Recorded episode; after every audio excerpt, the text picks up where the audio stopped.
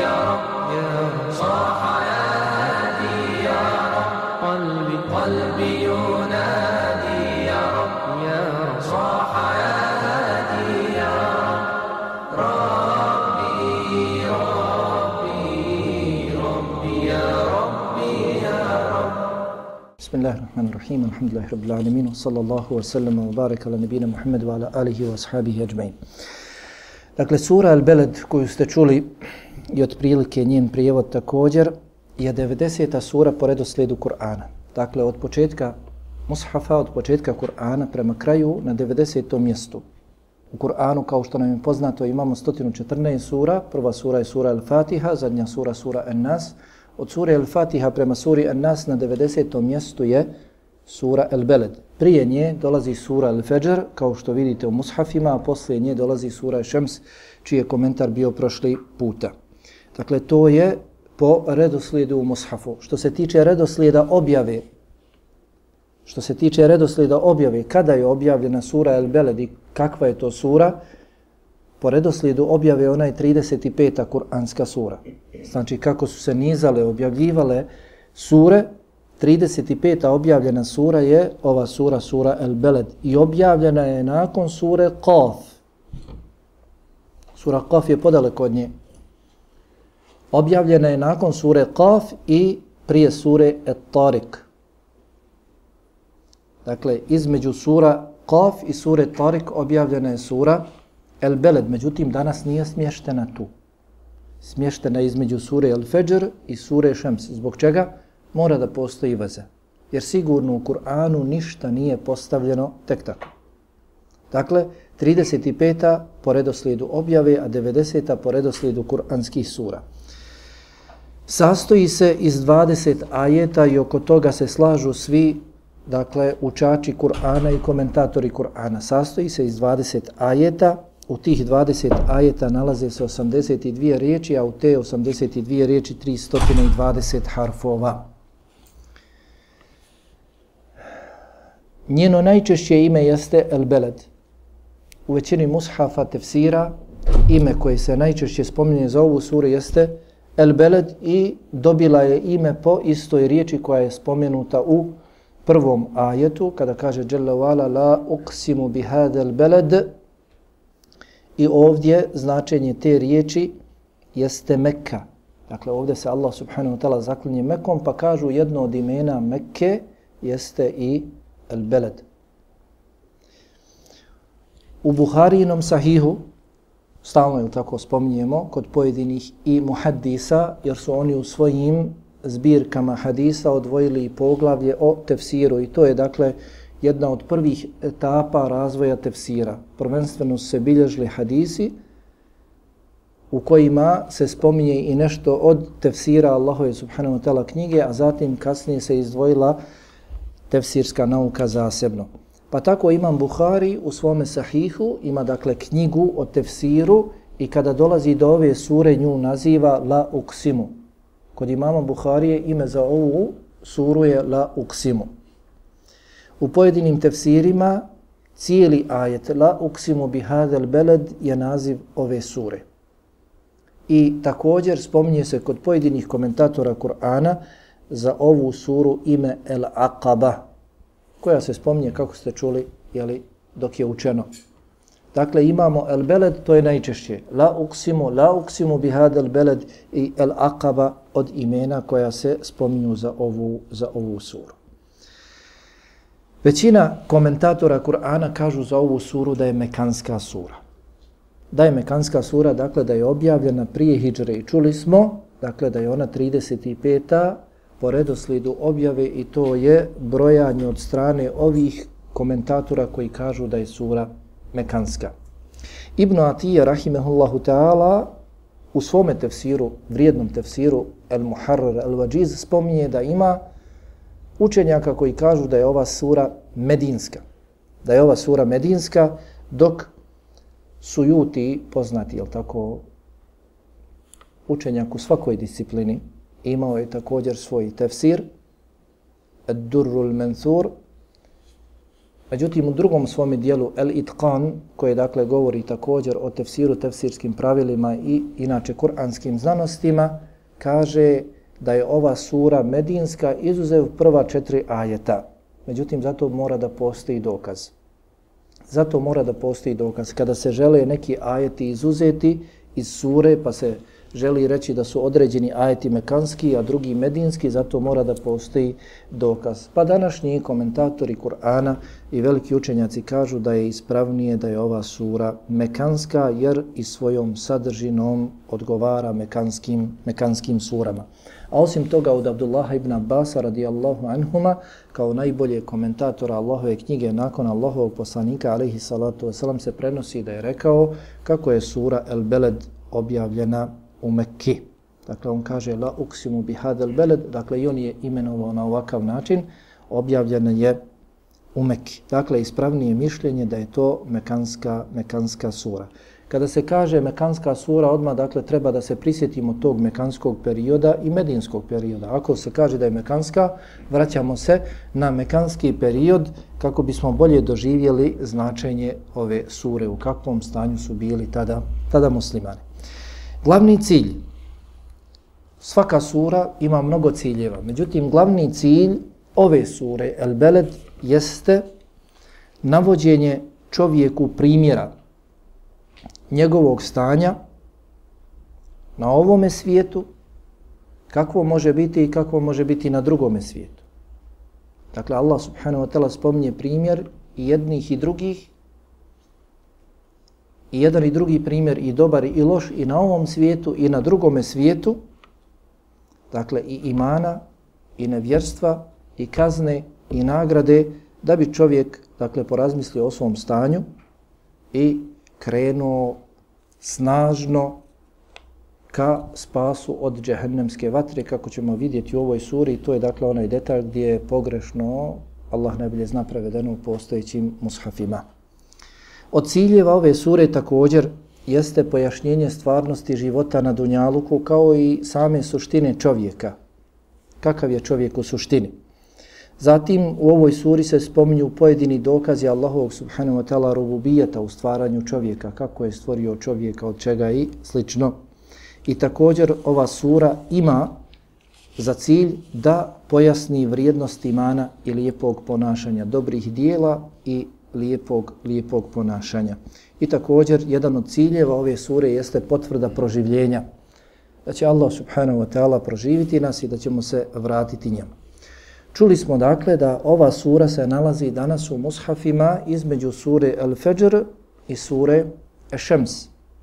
Zbog čega kada nije tim redoslijedom objavljena? Zašto se nalazi ili koja je veza sure Al-Beled sa prethodnom surom, surom Al-Fajr? Pa dakle, Allah subhanahu wa ta'ala u suri Al-Fajr nakon što pojašnjava također u prethodnoj suri Al-Fajr suštinu čovjeka. Pa kada Allah subhanahu wa ta'ala ukaže čovjeku svoje blagodati, on kaže moj gospodar me počasti, odnosno ja sam ovo zaslužio. A kada mu Allah subhanahu wa ta'ala sustegne ili uskrati blagodati, on kaže moj gospodar me napustio. I takva je većina ljudi kada ima, zaboravlja na Allaha i misli da je to on svojim rukama dobio, a kada nema, onda se snebiva i počinje jadikovati. Nakon toga Allah subhanahu wa ta'ala pojašnjava kako ljudi koji imaju imetak, koji su daleko od Allaha subhanahu wa ta'ala, kako postupaju. Pa kaže, kella, bella tukrimune ljetimu, wala tahadduna ala ta'amil miskin, wa ta'kulune turatha akla lemma, wa tuhibbuna al mala hubban jamma. Navalja tako. Tako rezonovanje. Da ste vi to postigli svojim rukama, zaslužili, ili ako vam se uskrati da vas je Allah napustio i slično, navalja tako rezonovanje. Naprotiv, vi se pozabavite svojim dijelima. Kakvi ste vi kada imate imetka i kada nemate imetka? Kada imate imetka, vi ne hranite je time. Ne ukazujete počast je timo. Naprotiv, njihovo pravo uzurpirate. Ne tražite da se hrane siromasi. Nasljedstvo pohlepno jedete. Strastveno volite imetak. O tome Allah subhanahu wa ta'ala govori u suri Al-Fajr. U suri El Beled Allah subhanahu wa ta'ala pojašnjava navodi osobine kakve bi trebala imati imućna osoba. Šta bi trebala raditi? Nakon što u suri Al-Fajr spominje kakva je suština tih imućnih ljudi, kako se oni ponašaju kada imaju imetka, u suri Al-Beled Allah subhanahu wa ta'ala pojašnjava kakvi bi trebali da budu.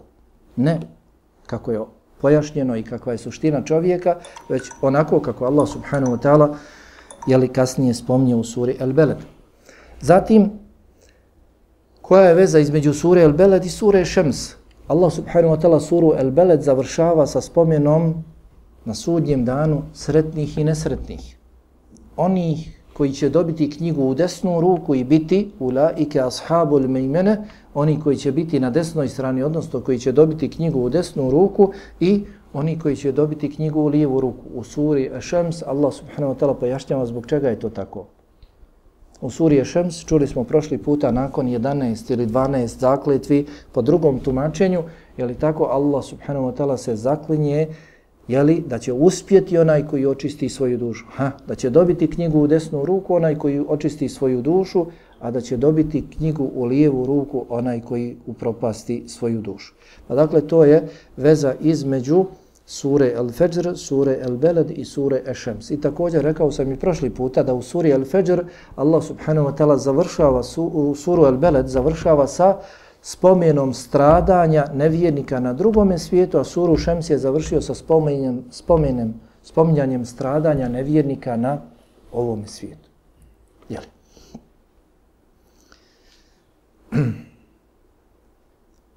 Vidjet ćemo dakle kroz komentar tematiku i sadržaj ove, ove sure.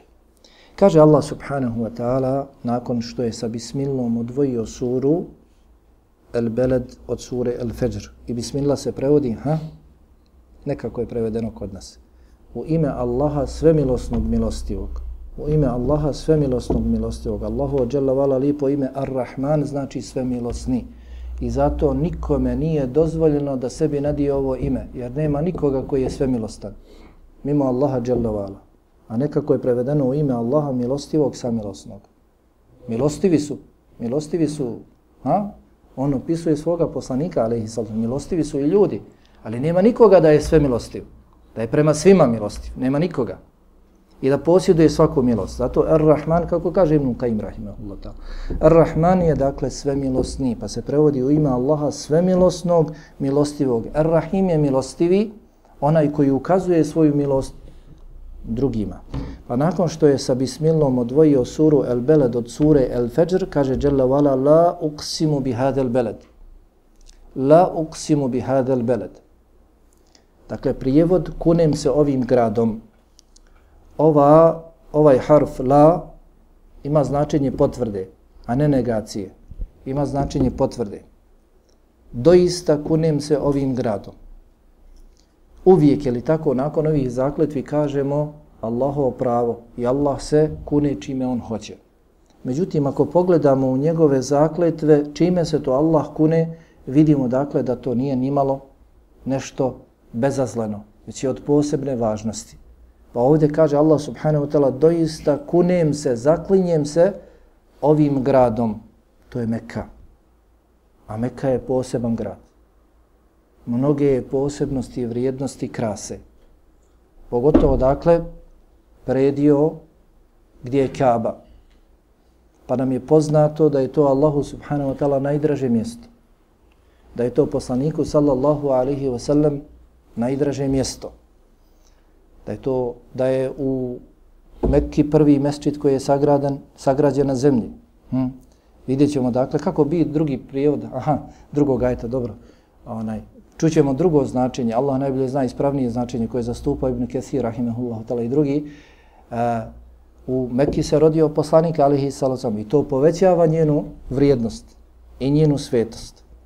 Pa također Allah ju je učinio svetom, jel tako? Sveta. Dozvolil, dozvolio je svome poslaniku alihi salucam samo jedan trenutak, to je ovaj prijevod koji se sada spominje, ovdje kod nas u mushafima postojećim, dozvolio je samo jedan trenutak i ponovo ta sveto se vratila i ostaće do sudnjega, sudnjega dana dosta je to što je Mekka kibla svih muslimana. Dosta je to što je Ibrahim alihi salatu wasalam sagradio Kabu započeo život u Mekki, dovio za bereket, jeli u Mekki Allah subhanahu wa ta'ala svemu se tome odazvao i mnogo, mnogo jeli, stvari koje ukazuju na vrijednost Mekke i nimalo, dakle, nije mala zakletva. Zasigurno, doista zaklinjem se ovim gradom, dakle, Mekkom. Wa ente hillum bihadel beled. Dakle, Allah se zaklinje Mekkom jer je ona od posebne važnosti. I ovaj Kur'an prvenstveno je objavljen nama, vjernicima, i Mekka je za nas od posebne važnosti. Wa anta hillum bi bihadel beled. Prevede, prevedeno je kod nas, a tebi će biti jeli, dopušteno sve gradu ovome. Kod komentatora Kur'ana postoji više mišljenja. Pa, jedno od mišljenja jeste spomenuto. Da će poslaniku alihi salatu wasalam biti dopušteno sve u gradu ovom. To se misli dakle na oslobođenje Mekke. Kada je poslanik alihi salatu wasalam došao da oslobodi Mekku. Pa je taj trenutak ulaska u Mekku poslaniku alihi salatu wasalam bilo dozvoljeno da koga treba ubije, ubije, što treba dakle da uradi, a prije toga je bilo zabranjeno, njemu je u tom trenutku bilo dozvoljeno. I nakon toga sveto se ponovo vratila, nakon toga više ni njemu nije bilo dozvoljeno. A? Već samo dakle u tom trenutku. I hadisi o tome govore, da ne spomnim, dakle da ne odužim. Drugo značenje jeste wa anta hillun bi hadal balad. Hil u arapskom jeziku ima značenje boravka suprotno irtihalu. Irtihal je kretanje, odlazak. Wa anta ati hillun bi hadal beled. A ti boraviš u ovom gradu. Hmm. Pa dakle, bila bi zakletva. Doista se zaklinjem mekom, pogotovo za vrijeme tvoga boravka u njoj. Pa je Mekka posebna bila i njena svetost bila posebna dok je poslanik sallallahu alaihi ve sellem boravio u njoj. I ako se sjećate sura Kurejš i sura El, jeli, Fil, o tome sam govorio posebno. I ovo je dakle bilo mišljenje Ibn Kethira, Ibn Qajma i drugih komentatora Kur'ana, da se ovdje Allah subhanahu wa ta'ala zaklinje periodom boravka poslanika sallallahu alaihi wa sallam u Mekki, jer je tada Mekka bila posebnija. A kaže šejh Muhammed ibn Salih Husaymin, nema smetnje da se uzme u obzir oba ova značenja. Kako je pre, prevedeno kod nas. Jer kaže tada, kada je poslanik sallallahu alaihi wasallam ušao i oslobodio Mekku, tada prije toga Mekka je bila ispunjena širkom mnogoboštvom.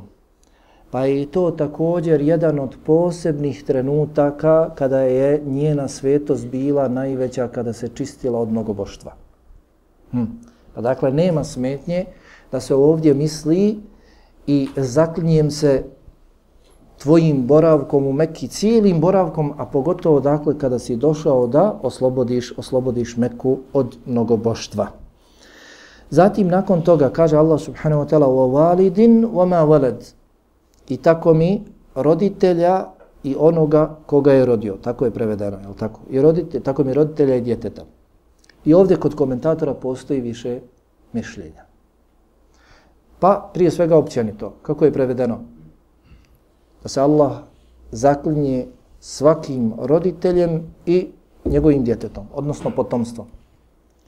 Drugo mišljenje je da se ovdje misli na Adema i na njegovo potomstvo. Zašto? Kažu u prvom ajetu se misli na Mekku, a Mekka je, može li neko spomenuti još od imena Mekke? Dobro, Bekka. Mekka, Bekka, Beled, ima još? Hm? hm? hm, hm. E, umul Kura. umul Kura, majka mjesta ili majka gradova, mi kažemo majka sela, majka. Ha? U prvom ajetu se spominje majka onda kaže najprioritetnije je da se ovdje pod roditeljem misli na oca čovečanstva, na Adema. Kako se u prvom majetu spominje majka, ovdje u trećem majetu se spominje otac, odnosno Adem i njegovo potomstvo. Zatim kažu Ibrahim i Ismail. Ibrahim i Ismail, koji su bili od posebnog značaja, jer se govori o Mekke, i svakako, dakle, Muhammed sallallahu alaihi wa alihi wa sallam. Opet, kako kaže šejh Muhammed ibn Salih Husemin, nema smetnje da se misli na sve. Da se misli općenito, a pogotovo na Adema, pogotovo na Ibrahima, Ismaila i pogotovo na poslanika Muhammeda sallallahu alaihi wa sallam. Eh, sa ove četiri zakletve se zaklinje Allah subhanahu wa ta'ala za šta? Zbog čega? Se zaklinje Mekom, poslanikom svojim Muhammedom sallallahu alaihi wa sallam, njegovim boravkom u Mekke, narošto prilikom oslobođenja Mekke, zatim roditeljem, čovjekom i njegovim potomstvom ili Ademom i njegovim potomstvom, ha, za jednu vrlo važnu stvar. Pa kaže, لَقَدْ خَلَقْنَ الْإِنسَانَ فِي كَبَدِ Lekad u arapskom jeziku koji učuju arapski jezik je potvrda. Mi smo zasigurno stvorili čovjeka da se trudi. Dakle, doveli smo ga na ovaj svijet dunjaluk da se trudi. Da savladava poteškoće tegobe. Život na dunjaluku nimalo nije lahak. Neka svako zna, i to je nama dobro poznato, od trenutka formiranja jeli, ploda u majčinom stomaku, udahnjivanja duše, dolaska na ovaj svijet do smrti čovjek je izložen iskušenjima, tegobama. Nema rahatluka.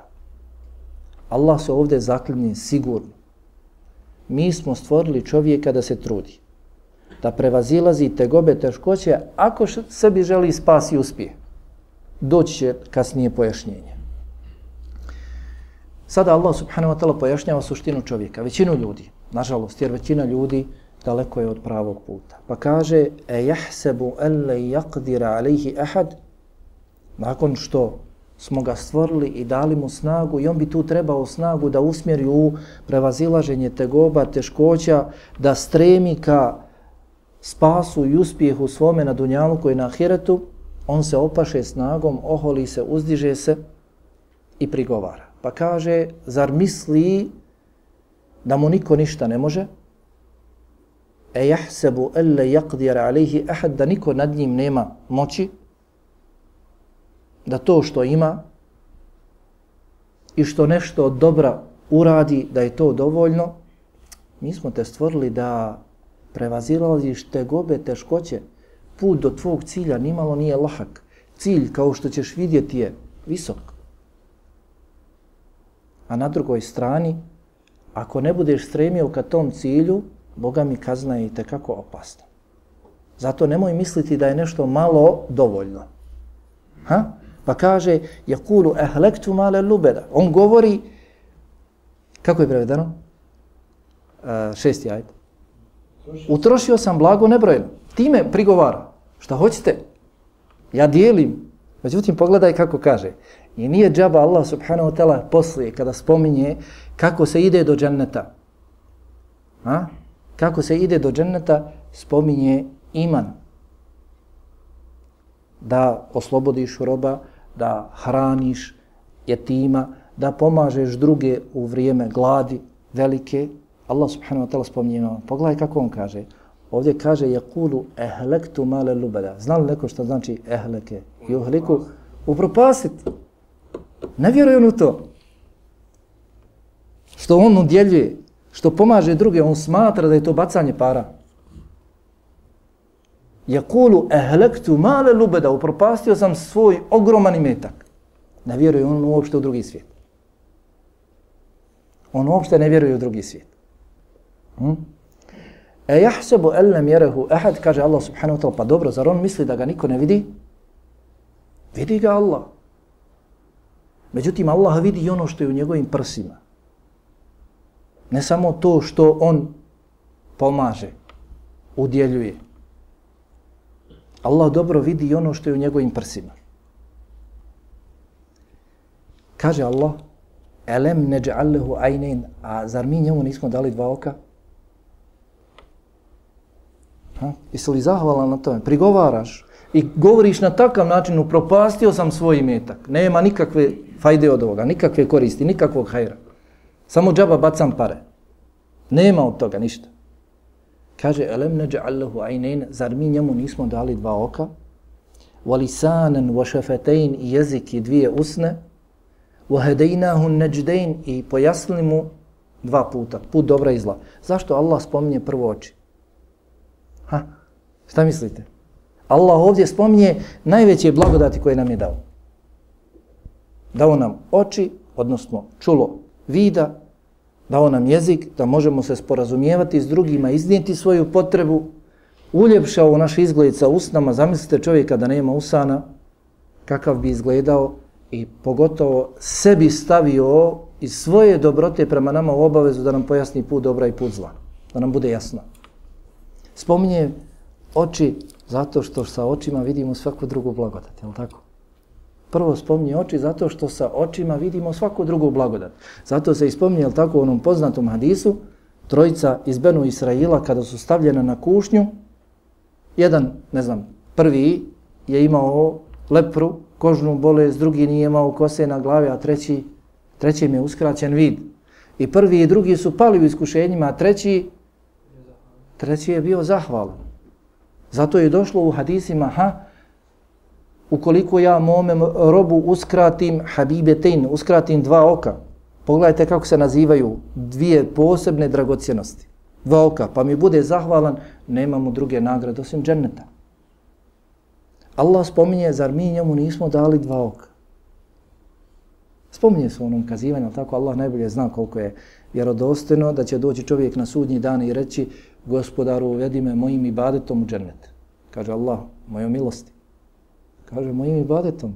Ja toliko i toliko vremena proveo u ibadetu tebi. Kaže robe mojom milosti da uđeš u džennet. Kaže ne, mojim ibadetom. Kaže dobro, pa melekima kaže na jedan tas vage njegov ibadet svo vrijeme.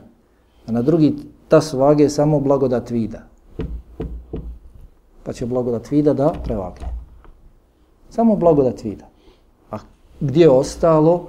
I Allah kaže, a, kada bismo brojali Allahove blagodati, wa in ta'uddu ni'matallahi la tuhsuha. Ako biste brojali Allahove blagodati, ne biste ih mogli pobrojati. Koliko vam je ukazao? Kaže, zar mu mi nismo dali dva oka? Jel da kad čovjek ima jedno oko, opet je manjkav. Ha? Opet je manjkav. Ali opet dobro, jer onaj koji nema ni dva oka, on bi volio makar da ima jedno. Zar mi nismo dali dva oka? I na ovoj blagodati nismo mi zahvalni Allahu, bojim se da je istina. Sve dok ne vidimo slijepca pored sebe. Ko se danas zahvalio Allahu na blagodati vida? Gospodaru, hvala ti. Što smo učinio od onih koji vide tvoja znamenja, tvoje dokaze, blagodati koji si, koji si mu podario. Walisanem u šefetein, zar mu mi nismo dali jezik i dvije usne? Da tim jezikom može zahvaljivati se Allahu, zikriti, veličati Allaha subhanahu wa ta'ala i kod Allaha postići posebne deređe. وَهَدَيْنَاهُ النَّجْدَيْنِ I mi mu pojasnili dva puta. Znači put dobra i put zla. Da se vratimo malo na poruke iz ovih ajeta pa da nastavimo dalje. Dakle, vidimo iz ovih ajeta da se Allah zaklinje čime god on hoće. I to je njegovo pravo. Mi nemamo pravo osim da se zaklinjemo njime. Jer se sa zakletvom želi nešto potvrditi. I mi svoj govor ne potvrđujemo osim sa spomenom Allaha subhanahu wa ta'ala. Vidimo dakle vrijednost Mekke, jer se Allah zaklinje njome. Poznato je, Allah se ne zaklinje ni sa čim bezazlenim. Već s čime god se zaklinje, to je od izuzetne važnosti i kod njega i kod njegovih stvorenja. Vidimo također vrijednost poslanika sallallahu alaihi wa sallam, jer njegov boravak u Mekki je povećao svetost i vrijednost Mekke. Zatim vidimo, uh, dakle, da nas je Allah subhanahu wa ta'ala stvorio i doveo na ovaj svijet, ne da se igramo, zabavljamo, ljenčarimo, provodimo dakle svoje vrijeme u besmislicama, već dakle da se trudimo, jer ono što nas čeka nakon smrti nimalo nije jednostavno. Zatim vidimo da kroz ove ajete Allah subhanahu wa ta'ala kori onoga koji se hvališe, onoga koji se uzdiže, onoga koji se rasipa, jeli i slično. Zatim vidimo iz ovih ajeta koje nam je Allah subhanahu wa ta'ala dao blagodati i to što Allah, zapamtimo uvijek, to je kuransko pravilo, kad god Allah subhanahu wa ta'ala spominje neke blagodati, ne spominje ih tek tako, već straži od nas da mu budemo zahvalni na njima. Kada Allah subhanahu wa ta'ala spominje blagodati, traži od nas da mu budemo zahvalni. Pa spomen ova, ovih blagodati. Zar mu nismo dali dva oka i jezik i usne i pojasnili put dobra i put zla, traži Allah subhanahu wa ta'ala od nas da mu budemo zahvalni na tome. Nakon toga Allah subhanahu wa ta'ala dakle pojašnjava kako se ide do dženneta i kako se čuva džehnemske vatre. Na drugom mjestu kaže femen zuhziha vaste izraza femen zuhziha anin nar wa udhila al janna faqad fas. Ko se sačuva džehennemske vatre. Pogledajte koji se koristi termin, nije ga lako ni izgovoriti. Ko se sačuva džehennemske vatre i bude uveden u džennet, doista je postigao veliki uspjeh. Postigao je nešto posebno. Felak tehamela kabe. Tu je prevedeno. Zašto on nije? Zašto on Nije. z... Je. bio nije? Akaba ima više značenja. Jedno od značenja riječi akaba je opasan put, težak, trnovit, opasan put koji vodi na vrh brda. Zatim, jedno od značenja riječi El Aqaba jeste džehennemska vatra. Treće značenje, sudnji dan. Iktiham, ha, felaktaham el Aqabe. mi učimo po pravilima teđvida, el aqabe, spajamo riječ fela, iktahame aqabe. Spajamo sve ove tri riječi. Međutim, ovdje je došlo iktahame, glagol iktahame. Iktiham, infinitiv od ovog glagola iktiham znači snažno ući u nešto. Snažno i odlučno. Pa ne znam dakle odakle taj prijevod. Bilo bi zašto on snažno i odlučno ne krene ka svom visokom cilju. Odnosno ka džennetu. Ovom posebnom cilju. Da se sačuva džehennema i da uđe u džennet. To nikako nije ravnica na leru da možeš doći. Nego valja dobro zapeti i uzbrdo. Felaqtahame laqabe. Zašto on ne krene snažno i odlučno da savlada tu teškoću, tegobu, odnosno da uđe u džennet i da se sačuva džehennema. Pa Allah subhanahu wa ta'ala pojašnjava kako? وَمَا أَدْرَاكَ مَلْ عَقَبَ A šta ti misliš? Imaš li ti znanje? Jesi li obaviješteno ne, o, od nekoga? Ti, o Muhammede i svi drugi. Kako se savladava ta teškoća? Kako se ulazi u džennet i čuva se džehennema? I evo, opet, ne možemo se nazahvaljivati. Na ovome treba biti zahvalan Allahu. Ali ne možemo nikada se nazahvaljivati. Opet nam Allah pojašnjava kako. Nije ostavio nama da mi tumaramo, lutamo kako. Već pojašnjava. I kamo sreće da mi pristupamo Allahove knjizi, da je proučavamo i kad god dođeš, ha, kako do dženeta da sebi bilježiš po strani. To, to, to, to. Osobine dženetlija su te, te, te. Žale se, ne znam Malik onaj, kod mene je pravilo sad onaj, samo da se prenosi predavanje uživo i da se posle skine. Da ne ostane. Jer bi oni posle, onaj, dok slušaju predavanje, fino uz kafu, Coca-Cola, čipi, čips i ostalo, da slušaju predavanje, pa hoće li neka tam pisat? Ne. Ko vredno je cijeni znanje, neka drži olovku, piše, nek se priprema. Hm? Na ovakav način trebamo pristupati Allahoj knjizi. Kako rekao, nema na leru do dženeta. Dolaze braće iskušenja, dolaze teška vremena, dolaze fitne u vjeri, a to su najgore fitne. Neće se moći sačuvati, uvijek sam govorio, osim dvojica, ne dva čovjeka, već dvije kategorije ljudi, oni koji imaju znanje i oni koji imaju ibadeta. Oni koji imaju znanje i oni koji imaju ibadeta. Samo takve ljude fitna neće moći toliko zahvatiti. Oni koji imaju znanje pa će moći razlučiti kako, na koji način da se postave u fitnama i oni koji imaju ibadeta uopšte neće se upuštati u fitne. Svi drugi bit će pometeni. A najbolje znanje jeste znanje iz kitaba i sunneta, bez plaho filozofiranja.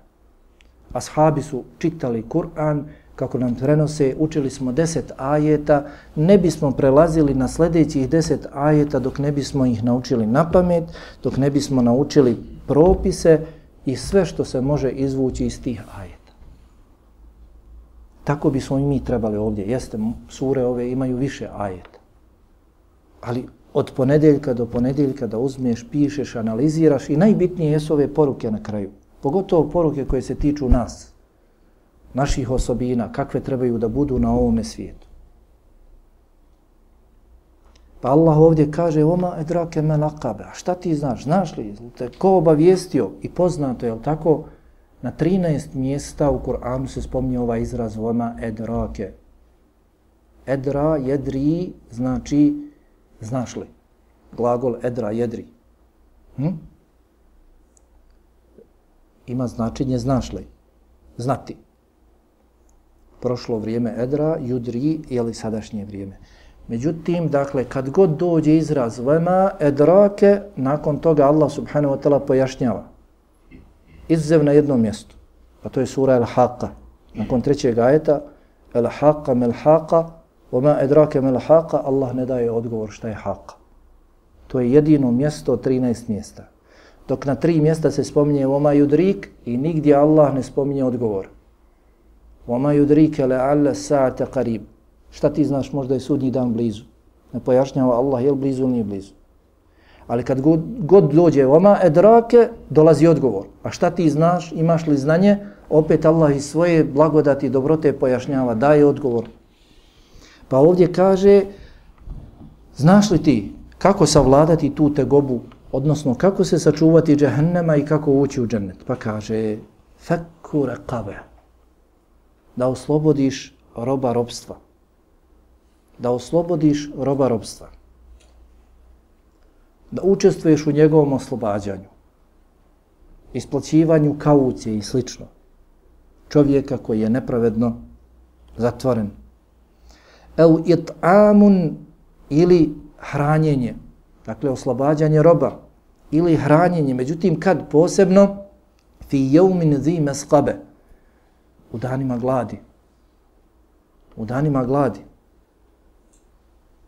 Koga posebno je tim, jetimen, djeteta siročeta.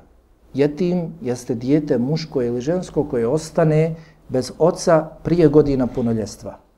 Koje ostane bez babe prije godina punoljestva. Ne misli se koje ostane bez majke, ne.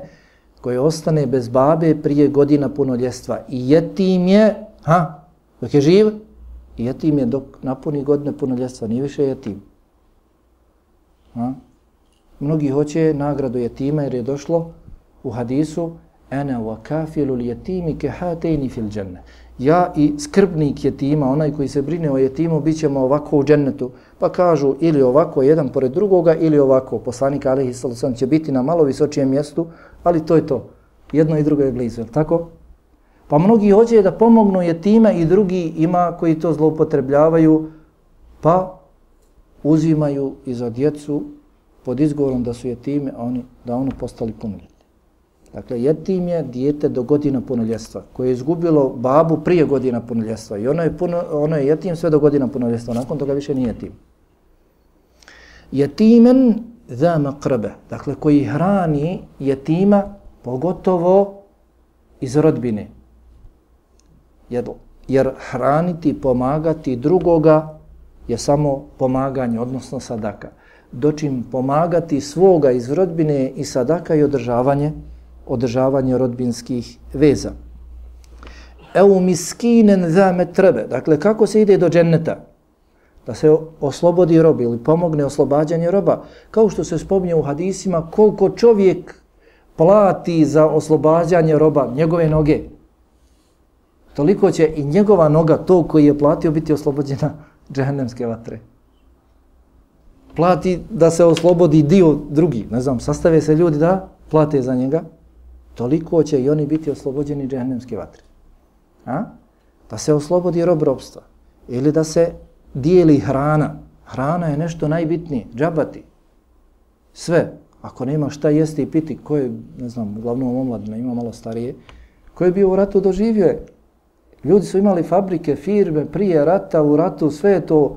Međutim, nema brašna. Ne možete da jede čovjek. Išao u narodnu kuhinju, uzimao.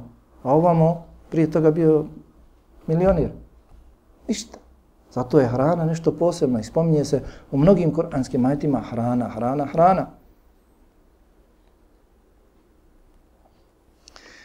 Da se hrani, pogotovo jetim, pogotovo dakle iz rodbine, au miskinen za metrbe, ili dakle miskin, nevoljnik, kako je prevodano kod nas, ubogoga nevoljnika, nevoljnik. Zašto se miskin zove miskin? Nevoljnik, U arapskom jeziku miskin dolazi ili ima sličnu riječ sa seken. Seken je kuća. Dakle, onaj koga je siromaštvo privezalo za kuću. Siromaštvo i slabost, dakle, toliko je on iscrpljen, neuhranjen, siromašan, slab, ne može ni da radi. Privezan je za kuću. Pogotovo ovdje se kaže za metrebe od turab zemlja, dakle, prikovalo ga siromaštvo za zemlju. Ne može da se pokrene. A? Dakle, da pomogneš oslobađanje, da hraniš spomenute kategorije. Međutim, šta je najbitnije?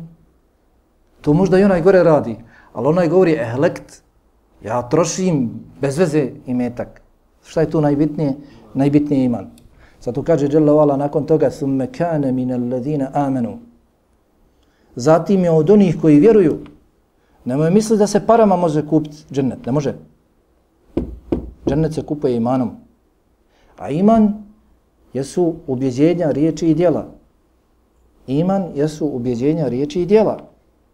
Da ono što nam je Allah subhanahu wa ta'ala propisao u vjeri, da smo u to ubjeđeni, da to potvrđujemo svojim jezikom i da to konstantno, svakodnevno, danonočno potvrđujemo svojim dijelima. Da to imamo na prvom mjestu.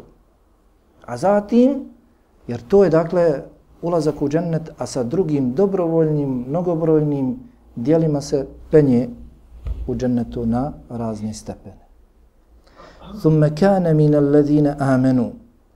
Zatim, da je od onih koji vjeruju, وَتَوَاسَوْ بِالصَّبْرِ وَتَوَاسَوْ بِالْمَرْحَمَ I da je od onih koji preporučuju jednim drugima strpljenje. Dobro, ako on preporučuje drugima strpljenje, onda on mora da bude strpljiv na prvom mjestu. Dakle, da je od strpljivih i da je od milostivih. Hm? Zatim da je od onih koji vjeruju i od strpljivih i od milostivih. Pa se kaže da su najbolji vjernici oni vjernici koji imaju kod sebe iman, imaju kod sebe dobra dijela i imaju posebno ove dvije osobine, strpljivost i milostivost. Na ovom putu da se prevlada el akaba, da se dospije do visokog cilja, moraš da budeš vjernik, da činiš brojna dobra djela, pogotovo dobra djela koja su od opšte koristi, drugi imaju koristi od toga, ne samo ti, jer je to kod Allaha posebno teško i vrijedno, zatim na tom putu da budeš trpljiv, odnosno ustrajan. I na tom putu ćeš doživjeti mnogo šta, uznemiravanja, iskušenja, moraš biti strpljiv i moraš biti milostiv. Drugi prema tebi neće biti. Ali mi trebamo biti strpljivi, milostivi, lijepog ponašanja ne zbog ljudi, već zbog Allaha, jer Allah to traži od nas. Jer Allah voli dobročinitelje. Ti trebaš da budeš dobročinitelj zato što Allah voli dobročinitelja. Allah svoju ljubav spušta na dobročinitelja, a ne zbog toga što ljudi vole ili slično. Hm? Dobro, koja je nagrada za to? Ula ike ashabul mejmene to su oni koji će biti, kako je prevedeno? Sretnici. Mejmene je od jemin, od jumna, ruka jumna, odnosno to su oni koji će dobiti knjigu u desnu ruku. A to su sretnici. Oni koji će odmah po dobivanju knjige u desnu ruku, dakle, barem znati gdje je njihov konačni završetak. Kako kaže Muaz ibn Džebelo radijallahu ta'alan, čovjek ne smije da bude za sebe siguran da će se u potpunosti spasiti džehennemske vatre sve dok ne pređe preko sirata. Jer gotovo, sirat je stavljen iznad džehennema, kada pređeš sirat gotovo je, nema više. Ima kantara poljana gdje se trebaju vjernice izmiriti jedni s drugima, hakove vratiti jedni drugima. I onda se ulazi u džennet. Kantara i kod nas, jel tako kaže se kantar, zavaganje, mjerenje, da se izmjeri pravedno. To je to. Kad se pređe preko sirata, gotovo je. Ali onaj koji dobije knjigu u desnu ruku, zna, dakle, svoje konačno boravište. Oni koji dobiju knjigu u desnu ruku će biti od dženetlija. Ako budu imali nešto, jer nakon knjige, nakon dobivanja knjiga ide obračun, ide vaganje dijela. Obračun, zatim da se dokaže da je obračun ispravan, ide se na vaganje dijela, nakon toga, jeli, prelazi se preko sirata. Pre, prelazi se preko sirata. Ha. Pa čovjek kada dobije knjigu u desnu ruku, ako kod obračuna ne budemo nešto oprošteno od velikih grijeha, od loših dijela, odgorit će u džehennemu, ali će na kraju opet biti uveden u džennet. Dakle, onaj koji je dobio knjigu u desnu ruku. Onaj koji dobije knjigu u lijevu ruku, kao što Allah subhanahu wa ta'ala poslije kaže وَالَّذِينَ كَفَرُوا بِآيَاتِنَا هُمْ أَصْحَابُ الْمَشْأَمَ hm? Bilo je dovoljno da se kaže وَالَّذِينَ كَفَرُوا بِآيَاتِنَا أَصْحَابُ الْمَشْأَمَ Međutim, potvrđuje se, oni će zasigurno biti oni koji će dobiti knjigu u lijevu ruku, oni koji budu, oni koji neće da vjeruju i koji poriču naše ajete, naše riječi.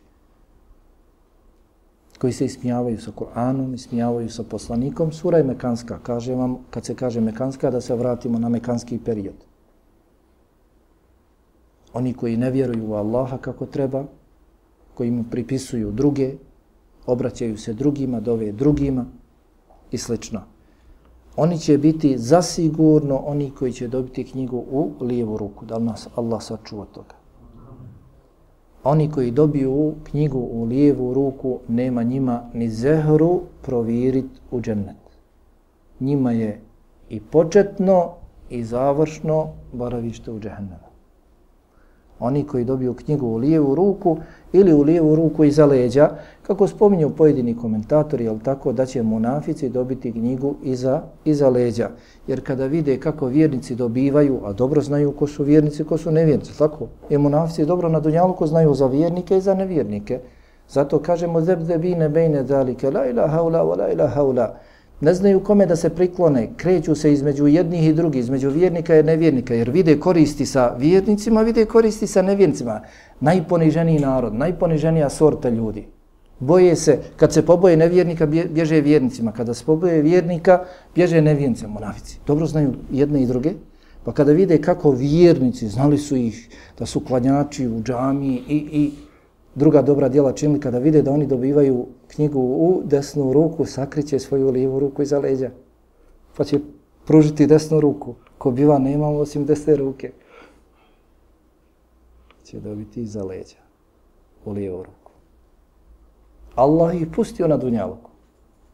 Ali sutra na ahiretu, ono vahussile ma suduri, kada se dođe do onoga što je u prsima.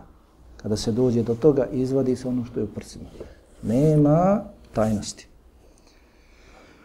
Ha? Dakle, oni koji neće da vjeruju u naše ajete koji ih poriču, oni će biti od onih koji će dobiti knjigu u lijevu ruku, da je njihovo početno i završno boravište džehennem, kaže Allah dželavala alihim narum sade. Na njima će vatra džehennemska biti zasvođena. Biće zatvoreni džehennemskom vatrom. Nema pobjeći. Nema izaći kada je prostorija neka zatvorna, temperatura u njoj je veća ili kada se otvori prostorija? Kada je zatvorena. Kad se otvori da malo izađe have, izađe žege, popusti. Međutim, zasvođena, zatvorena skroz iznad njih. Ukazuje na nesnosnu temperaturu, nesnosnu vrućinu, nesnosnu kaznu i također na vječnu. Nema popuštanja, nema izlaska iz te vatre, da nas Allah sačuva toga. Dakle, od poruka ovih ajeta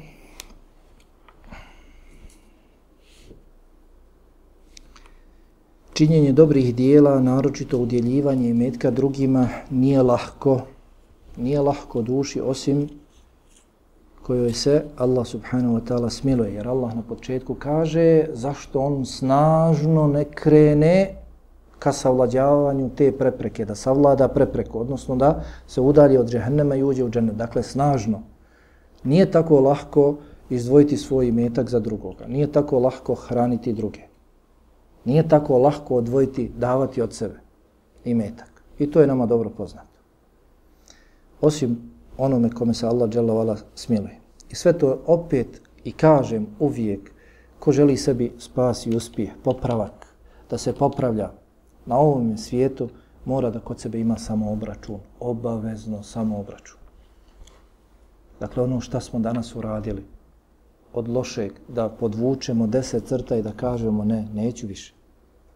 Neću sebi to dozvoliti. Što sam propustio od dobrih dijela, nisam uradio, neću sebi to dozvoliti. Samo tako se čovjek odgaja. Ako oni za dunjaluk prave, odnosno ne legnu na veče dok ne svedu na nas, kakav mi im je bio poslovni dan, jesu profitirali ili su bili u minusu, ako to oni rade za dunjaluk, pa Boga mi, mi smo za ahiret daleko, daleko preči. A opet niko sutra neće stati i braniti nas i pogurati nas i zaštititi nas kod Allaha subhanahu wa ta'ala. Svako po. Zatim vidimo od najboljih opće korisnih dijela koja su. Dakle, da se pomogne onaj koji je nepravedno zarobljen, zatvoren, udjeljivanje, pomaganje siromaha i jetima. Zatim vidimo iz ovih kuranskih ajeta, bez obzira koliko dobro dijelo bilo veliko i koliko bilo korisno i za druge, to nekome znači život, da ga oslobodiš, da postane slobodan, to je život. Zar nije rečeno da se dijete ne može zahvaliti nikada svojim roditeljima, osim da ih nađe zatočene, zarobljene, pa da ih oslobodi. Jer to znači novi život. Bez obzira koliko to dijelo bilo ogromno, veliko, bez imana je ono ništavno. Bez imana je ono ništavno. Ha. Pa dakle, kod Allaha je bezvrijedno svako dijelo ako čovjek ne vjeruje u Allaha i njegovog poslanika, sallallahu alaihi wa sallam. Vidimo iz ovih ajeta najbolje vjerničke osobine. Nakon imana jesu strpljenje i milostivost i preporučivanje toga drugima. A najbolji su svakako oni koji kod sebe objedine sve ovo. Iman, dobra dijela, strpljenje, milostivost. A najgori su oni koji kod sebe objedine suprotnosti. Nevjerstvo, loša, razvratna dijela, srđba jeli, i neposjedovanje milosti. Oni koji nisu milostivi. Vidimo dakle rezultat vjerovanja, činjenja dobrih dijela, strpljivosti, milostivosti, ustrajnosti, provođenja svoga života u ovim dijelima, rezultat jeste da dobiješ knjigu u desnu ruku. I vama je poznato, spominje se u pojedinim predanjima, malo ima govora, neki ih pojačavaju, da će u tri situacije svako svakoga zaboraviti na sudnjem danu. Odnosno, niko se nikoga neće sjećati. To su baš ove tri najključnije situacije. Dobivanje knjiga, mizan i sirat. Dobivanje knjiga, zatim stavljanje dobrih i loših dijela na vagu i gledanje šta će prevagnuti i sirat. Kad bude trebalo se preći preko sirata. Hoćeš li dobiti knjigu u desnu ruku ili lijevu? Hoće li tvoja dobra dijela prevagnuti i kako ćeš preći preko sirata. Nikoga se nećeš sjećati. Ajša radijallahu ta'ala pita, poslaniču, ćete se sjećati nas, svojih porodica? Kaže, niko nikoga. Kod ovih situacija. Zato je to veliki uspije da čovjek dobije knjigu u desnu ruku. Kažem, to je odmah nakon obznane da nastupa suđenje To su prve situacije koje dolaze. Dijelenje knjiga, jer se iz knjiga ide pred Allaha i čita robe si uradio, jesam, jesi uradio, jesam, jesi uradio, jesam. Zatim se to pretvori i dadne se lik tim dijelima, oblik i ona se vagaju. Dakle, čovjek na početku, nakon takvog teškog dana i stojanja, jeli, tako dugo, spominje se, jeli, da će 50.000 godina trajati taj dan, da dobiješ knjigu u desnu ruku odmah da koliko toliko, koliko toliko se razrahati što je dakle nešto posebno. Ali isto tako ne može se lahko postići. Već se mora s posebnim dijelima to tražiti. Vidimo dakle da oni koji ne vjeruju Allaha, ne vjeruju njegove riječi, da će oni dobiti knjigu svojih dijela u lijevu ruku. I vidimo dakle u kakvoj vatri će oni biti. Vidimo dakle iz ove sure da što budemo radili, tako ćemo i zaraditi. Allah je pravedan, nikome ne čini nepravdu. Kako budeš radio, obhodio se prema Allahu i svojom nutrinom i svojom spoljašnosti, tako ćeš i biti, biti nagrađen. Molim Allaha subhanahu wa ta'ala da nas učusti na imanu i dobrim dijelima, da nas učini strpljivima i milostivima na svemu i prema svima.